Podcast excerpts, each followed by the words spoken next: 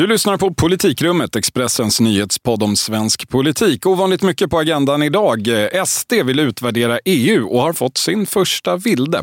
Hur mycket skakar regeringsunderlaget nu? Dessutom, vad vill egentligen Socialdemokraterna nu för tiden? Och är Magdalena Andersson den nya Mona Sahlin? Häng med!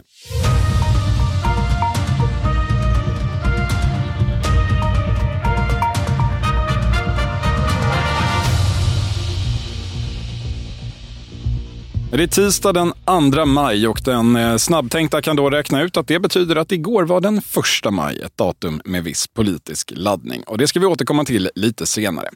Du är i alla fall välkommen till ett jubileumssammanträde här i Politikrummet. Vi fyller jämnt 70 avsnitt och vi som firar det är jag, Viktor Bartkron och du, Thomas Nordenskjöld. Hej! Ja, hallå, hallå! Och nu är det du och jag framöver här i podden för överskådlig tid. Vår kollega Helena Gissén har nämligen gått och blivit förstatligad. Ja, hon blir i alla fall ny kommentator på Ekot i Sveriges Radio nu i sommar. Kul för dem och radiolyssnarna såklart, mindre roligt för oss. Så är det. En göteborgare efter en annan. Helena efterträder institutionen Thomas Ramberg i den nya rollen. Kul mm. för analog radio som sagt, men därmed vidare. Det här är ju en nyhetspodd om politik. Ja. Eh, det har ju hänt en hel del i politiken på sistone. I morse fick vi exempelvis veta att Sverigedemokraterna vill utvärdera det svenska EU-medlemskapet.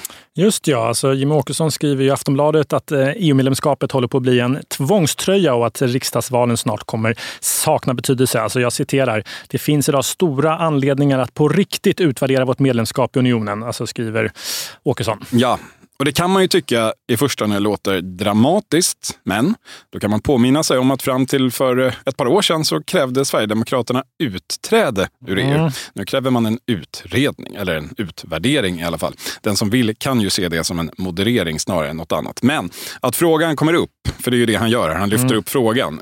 Att det händer just nu, det är inte överraskande. Nej, alltså vi pratade ju faktiskt förra veckan om det här också, om hur olika EU-regler sätter käppar i hjulet för en hel del av det som regeringen ska göra enligt tidavtalet. Alltså särskilt på klimatområdet med reduktionsplikten och klimatmålen. Men sen var det också det här med migrationspakten eh, som var aktuellt där, där SD är rädda för att tvingande flyktingkvoter då inom EU ska leda till ökad invandring här till Sverige när ambitionen är tvärtom. Ja, Eh, vi lär få se mer av EU-debatt och höra också. Eh, och kanske var det här något slags startskott för det. Sen tror jag kanske inte att det blir någon direkt svexit-debatt som många skriver om idag med anledning av det här. Eh, mm. Inte i närtid i alla fall. Alltså stödet för EU-medlemskapet är historiskt starkt i Sverige.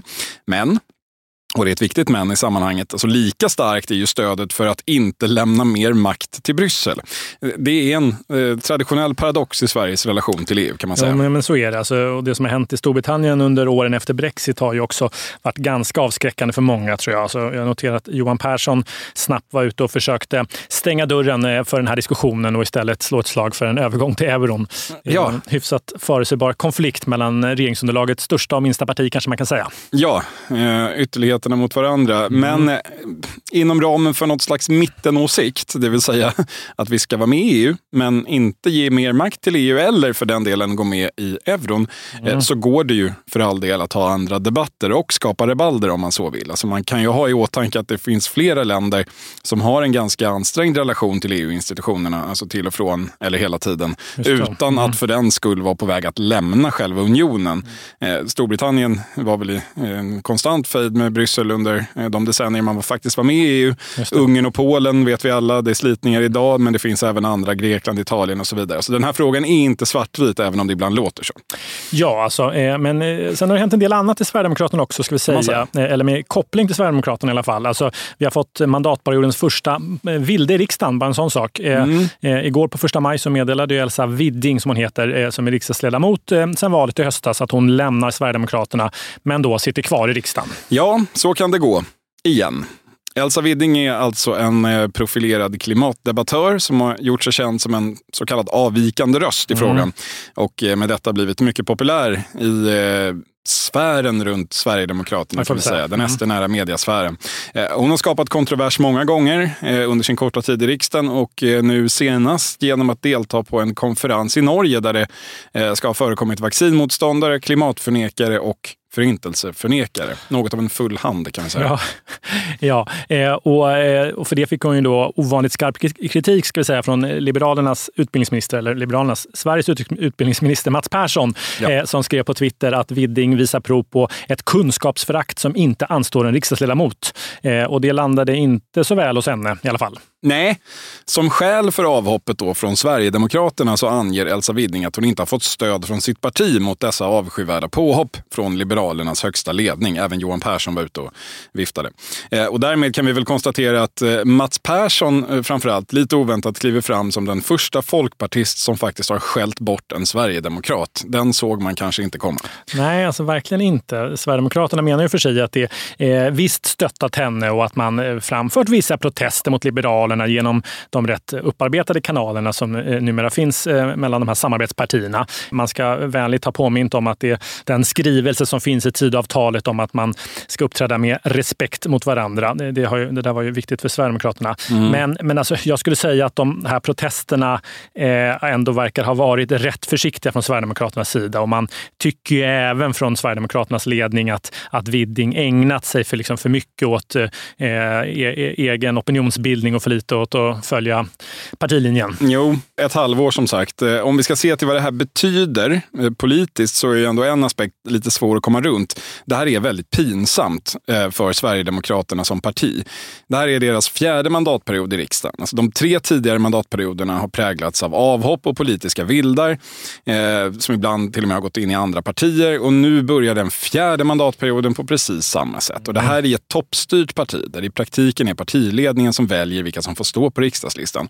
Och i det här fallet är det dessutom en profilerad stjärnvärvning i eh, i SD-sfären som hoppar av efter ett halvår. Det är lite clownvarning på alltihopa. Alltså det, det, det har ju också politiska konsekvenser ska vi säga. Ehm, ja. Eh, eller det kan i alla fall eh, tänkas få det framöver. Alltså, Tidöpartiernas riksdagsmajoritet är ju inte särskilt stor, alltså, som vi vet. Alltså, den, den var 176 mot 173, men nu är det bara 175 mot 173. Alltså marginalen minskar och utrymmet för fler avhopp är inte särskilt stort. Nej, på pappret ser det ju väldigt skört ut. Särskilt om man då tänker in historien där Sverigedemokraterna har haft eh, massproduktion av avhoppare och det finns kritiska liberala ledamöter som många har befarat ska kunna mm. eh, vara svaga länkar. Vad hör du nu? Hur, hur, hur mycket oro har det här rört upp i Tidölägret? Alltså det vore ju väldigt snopet om detta eh, omfattande paradigmskifte skulle krascha på några vildar. Ja. Kan man tänka att de tycker. Alltså, eh, jag minns ju tydligt hur, hur nöjda man från borgerligt och framförallt moderat håll var där på valnatten när det, när, när det blev blev just 176 eh, mot 173 och inte 175 mot 174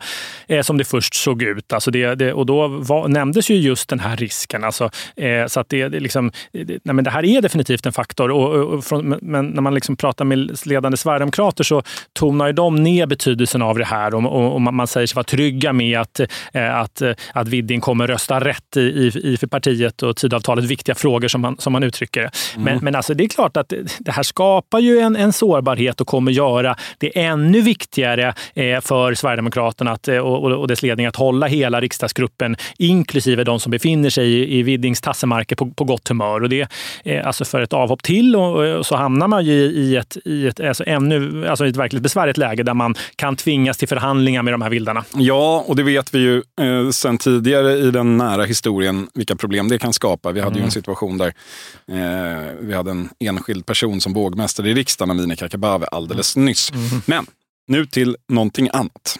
Socialdemokraterna. Det har varit första maj och idag den 2 maj så presenterade Socialdemokraterna dessutom sin eh, vårbudget. Eh, eller sitt eh, eh, förslag till vårbudget, ska vi säga, för den lär ju inte eh, gå igenom. Eh, du kommer från finanspolitiska talespersonen Mikael Dambergs presentation och får svara på frågan, vad vilja Socialdemokraterna ja, just nu? Exakt, bra fråga. Nej, men det var väl ungefär som det brukar låta från, eh, från Socialdemokraterna numera. Alltså hård kritik mot regeringens politik såklart. Jimmie Åkesson och Ulf Kristersson gör inte det som krävs eh, och lämnar ensamstående mammor och andra hårt pressade hushåll i sticket, ja. som man uttrycker det. Nej, men alltså, annars var det stora i den här skuggbudgeten budgeten är ju satsningar på höjda barn och studiebidrag under sommaren, eh, tillfälliga satsningar och det, var också lite sommaraktiviteter eh, för barn för att undvika en rekryteringsfest som Damberg, Damberg uttryckte det, alltså rekrytering av, till kriminella gäng alltså. Ja, mm. detta, eh, om jag läste rätt, till en kostnad av 3,5 miljarder, allt finansierat krona för krona, vilket, vilket den prudentlige Damberg var noga med att påpeka. Ja, det, han var ju det. Alltså, här är ju Socialdemokraterna såklart bakbundna på samma sätt som regeringen. Alltså, man vill ju för allt i världen inte hamna i ett läge där man eh, kan anklagas för att eh, lägga förslag som skulle elda på inflationen om de blev verklighet. Men, men annars är väl alltså, den här budgeten ganska talande för hur, hur Socialdemokraterna eh, liksom agerat sedan valet, tycker jag. Det är ju liksom mycket så att man eh, sitter och klurar ut och tar fram, eh, som man tycker, då, smarta reformer. Det är olika elräkningsakuter och folkhemsel eller vad det nu kallades. Ja, och tillfälligt höjda barnbidrag och annat med det gemensamt att det ju har en tydlig eh, fördelningspolitisk prägel ofta. Det, det, det är vänster som folk nog skulle säga lite allmänt, men mm, också att det är just tillfälligt och i alla fall inte särskilt stort. Alltså det är lite motsatsen till såna här strukturreformer som borgerliga partier brukar prata om när de sänker skatten för tiotals miljarder och avreglerar hela samhällssektorer. Det är mer lite plåster och goodiebags inom ramen för den existerande strukturen. Ja, nej, men det, det, är ju mycket sånt. Alltså, man gör det som krävs, men det kanske inte är så mycket visioner och utstakande av en eh, större riktning i den ekonomiska politiken. Men, men den som hoppades på det kanske skulle leta någon annanstans än en skuggbudgetpressträff med, med, med Damberg. Jag vet inte. Nej, men nu är det ju ändå han som står där och Socialdemokraterna med sina hejdlösa opinionssiffror som på något sätt är oppositionen i det här jo, landet. Så, så vi måste ju titta där. Jo. Och det gör ju i alla fall ungdomsförbundet SSU.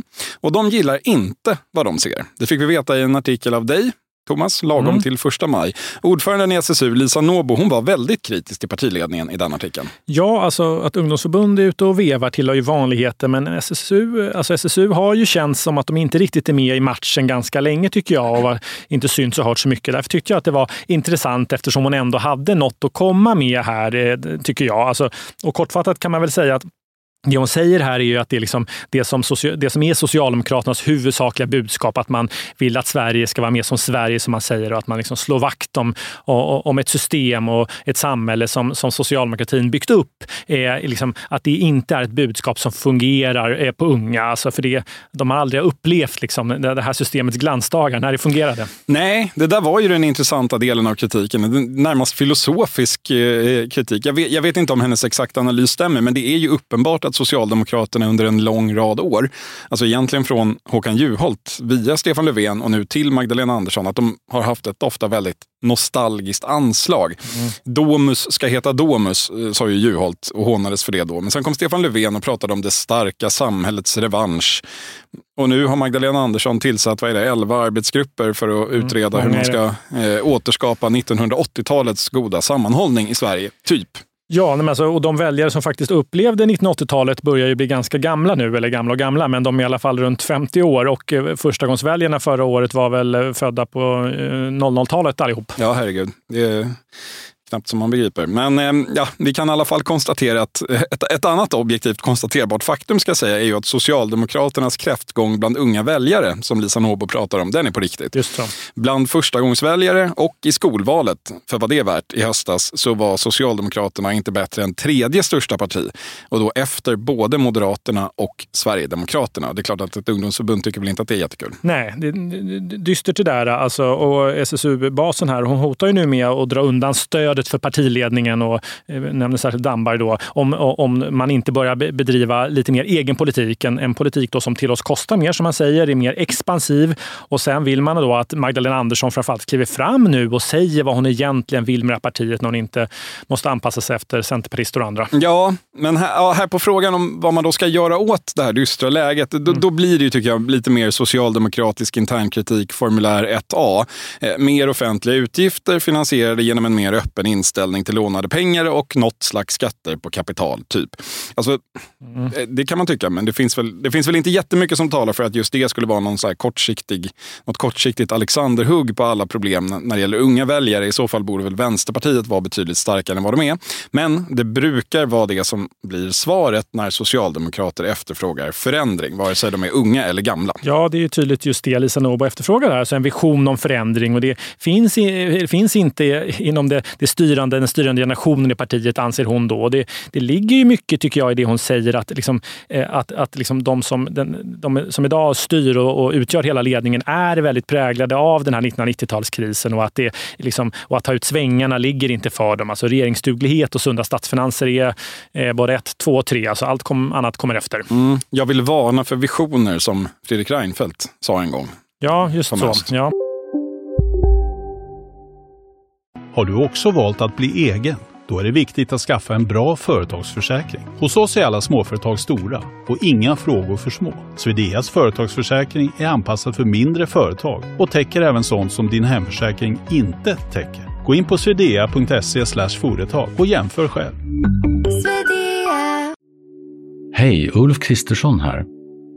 På många sätt är det en mörk tid vi lever i. Men nu tar vi ett stort steg för att göra Sverige till en tryggare och säkrare plats.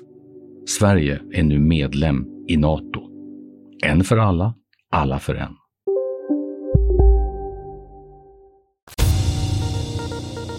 Jag minns tydligt när Magdalena Andersson hade tillträtt som ekonomisk-politisk talesperson eh, i Löfvens lag där under oppositionsåren. Februari 2012 var hon tillträdde. Alltså, mm. Jag hade gjort någon intervju där då med henne precis, minns jag, och, och gick därifrån och hade eh, på något sätt fått sällskap av Max Elger som hon plockat in där som sakkunnig. Om eh, minns. Ja, precis. Ja, han förde ju länge en eh, tillvaro i det fördolda, men eh, blev senare statssekreterare åt Magdalena Andersson och lyftes till slut upp eh, som minister, finansmarknadsminister va, i Magdalena Anderssons egen regering. Och det verkade han ju verkligen trivas med. Eh, men det blev inte så många månader då tyvärr. Eh, tyvärr för honom alltså. Podden är naturligtvis opartisk. Just så. Eh, men jag gick i alla fall, och där minns jag, och liksom, hade sällskap efter den här intervjun och så gick jag och beklagade mig lite för honom att, det var, liksom, att de var så otroligt försiktiga och inte sa något som stack ut mer än att det ska liksom vara ordning och reda på statens finanser. Och då, jag minns det, för då sa han till mig att vi har ju testat det där med att det var, var roligt och var spännande nu med Håkan Juholt och Tommy Wailis och, och, det gick ju inte så bra.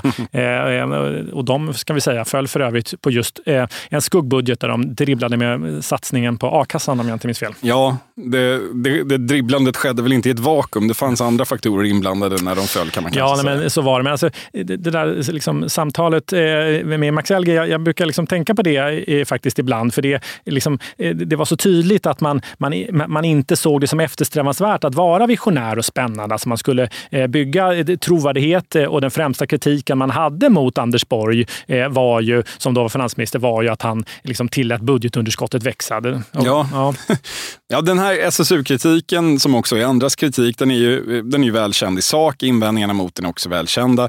Eh, förutsättningarna för att få gehör är ju förmodligen också ganska små, tänker jag, i ett läge när eh, den svenska socialdemokratin eh, i mätningar och även val trädde fram som ett av de mest framgångsrika traditionella arbetarpartierna i västvärlden mm. eller till och med ett av de största partierna i Europa överhuvudtaget i motsvarande partisystem. Men den här kritiken finns, den, den pågår år efter år. Hur utbredd skulle du säga att den är i relevanta kretsar i partiet? Ja, alltså inte så om man ska vara ärlig. Alltså uppslutningen bakom Magdalena Andersson är, är, är, stor, alltså väldigt stor eh, ska vi säga. Alltså de flesta, även bland dem lite mer till vänster i partiet, ser och förstår, tycker jag, när man pratar med om varför man inte tar ut svängarna mer.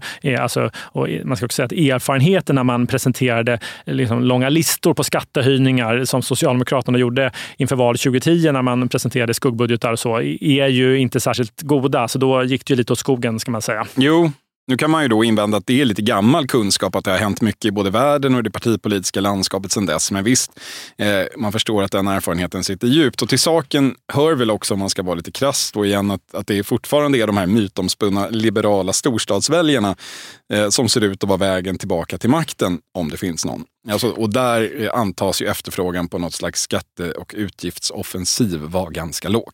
Ja, men alltså det, det, man ändå kan, kan höra tycker jag om man pratar med dem lite utanför liksom, eh, liksom inre maktkretsen så, lite, lite längre ut i rörelsen, alltså tungviktare från förr om man så vill, eh, så tycker jag mig höra en del tvivel kring Magdalena Anderssons förmåga att ge, liksom, att ge svar på, på det som är ändå SSUs övergripande fråga, vad Andersson liksom vill med partiet.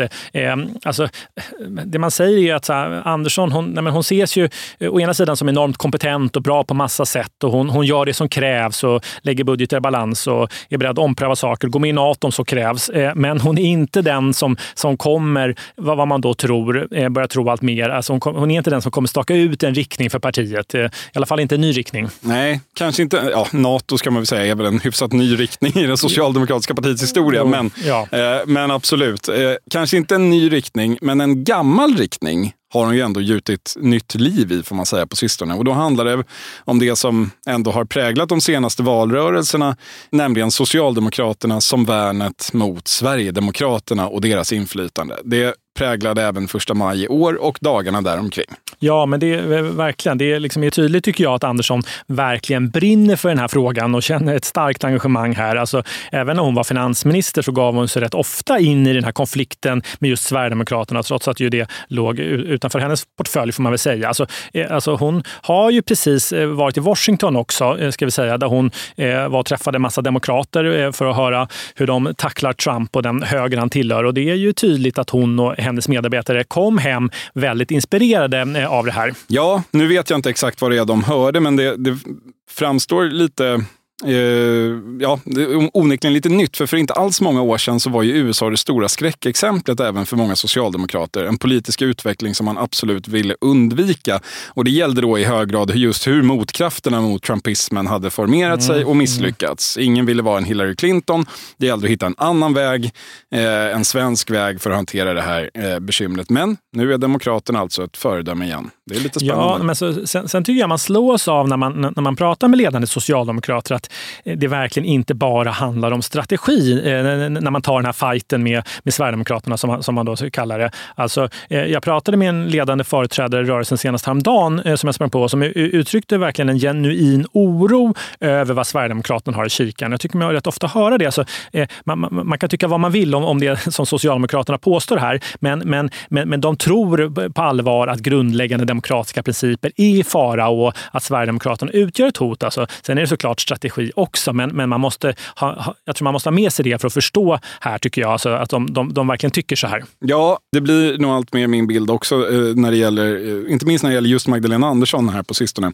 Eh, det sker någonting där och har skett under den senare tiden också. Och vi kan ju också konstatera att den här konflikten, eller vad vi ska kalla den, den fick en rejäl skjuts nu i fredags. då kunde nämligen du, Thomas, berätta att regeringen och Sverigedemokraterna planerar att förbjuda politiska partier från att tjäna pengar på lotteriverksamhet. Ja, det blir ett väldigt pådrag då. Och med politiska partier menar man då egentligen Socialdemokraterna, ska vi säga. Ja, i praktiken blir det ju så eftersom Socialdemokraterna har sina A-lotterier, eh, kombilotter och glädjelotter och allt vad det heter som inbringar tiotals miljoner till partikassan varje år och inget annat parti har något liknande eller har i alla fall inte lyckats med något liknande.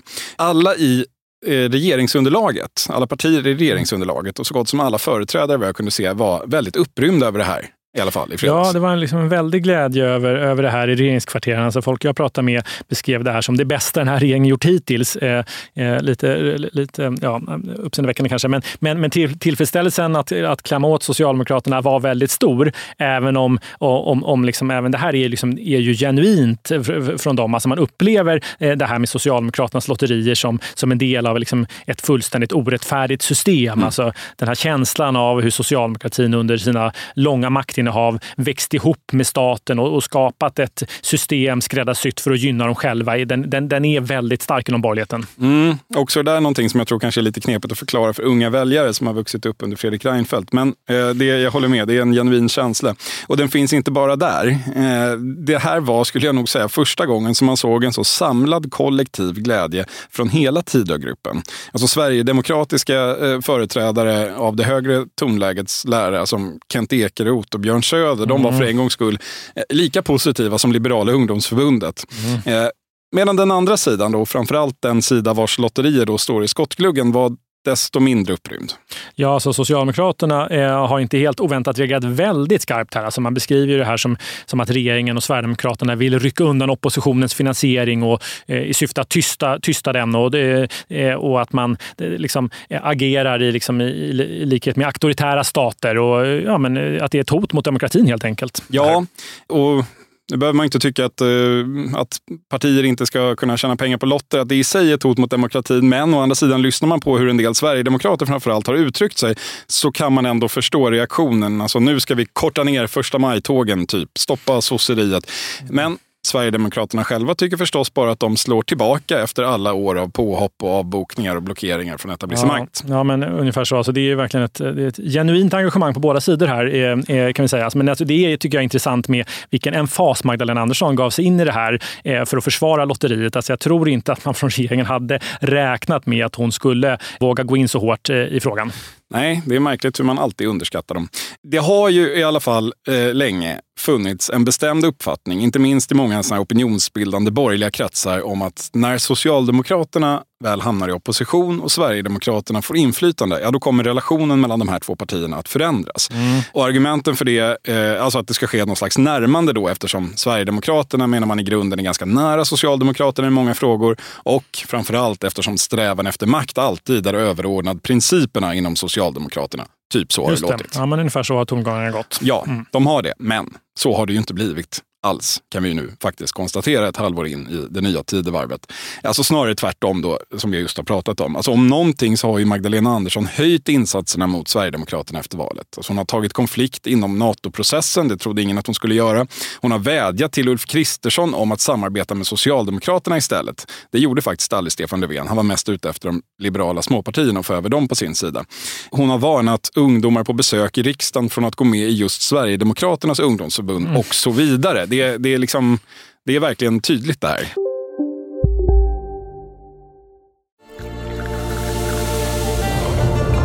Välkommen till Maccafé på utvalda McDonalds restauranger med Baristakaffe till rimligt pris. Vad sägs om en latte eller cappuccino för bara 35 kronor? Alltid gjorda av våra utbildade baristor.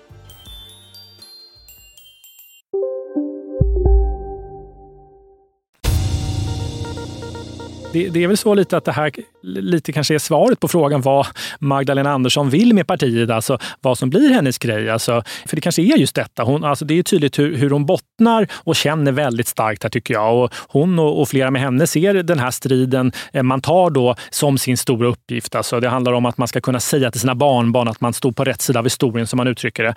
Eh, alltså, så det är nog så att Magdalena Andersson aldrig kommer bli den som lägger fram ofinansierade jättesatsningar på välfärden och, eller stora stora skattehöjningar. Men, men däremot kommer hon, eh, och kommer nog det, eh, som det låter i alla fall, bli en valrörelse till där hon och andra liksom målar upp hotet mot Sverigedemokraterna och, och det blir en väldigt central del av Socialdemokraternas valretorik där 2026. Nu är det långt kvar, men det, det låter ja, så nu i alla fall. Ja, på något vis känns det som att man nu börjar bottna i sina egna talepunkter från de senaste åren. Det är lite eh, märkligt, men det är uppenbart. Alltså, mm. På något vis känns det ju som att man håller på att landa i något här eh, också ur ett annat perspektiv. Alltså under mer än tio år skulle jag säga. Egentligen efter att anti-SD-aktivisten Mona Salin eh, försvann och att Sverigedemokraterna faktiskt kom in i riksdagen så har Socialdemokraternas relation till SD ändå präglats av något slags ambivalens.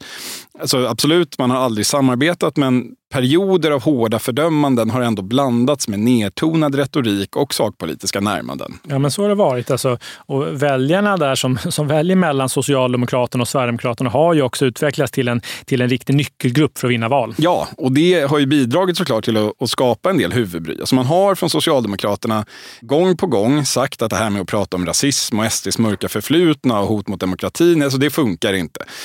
Och sen har man gjort det i alla fall. Alltså Stefan Löfven, eh, han kunde varna för hotet mot demokratin ena dagen och skoja om korv med Jimmy Åkesson nästa dag.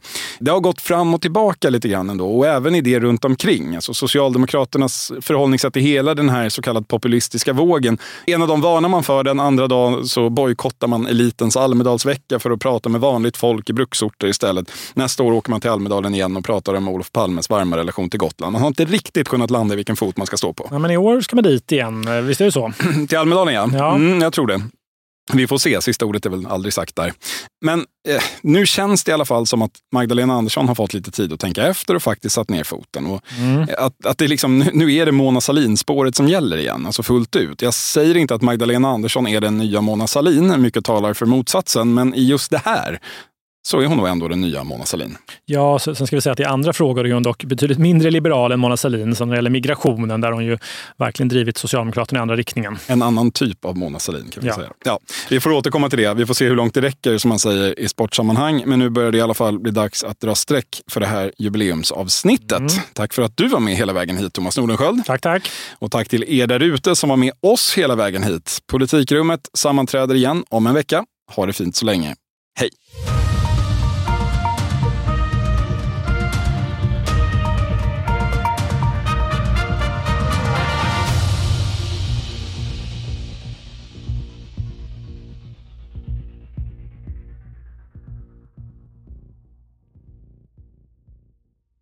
Du har lyssnat på en podcast från Expressen. Ansvarig utgivare Klas Granström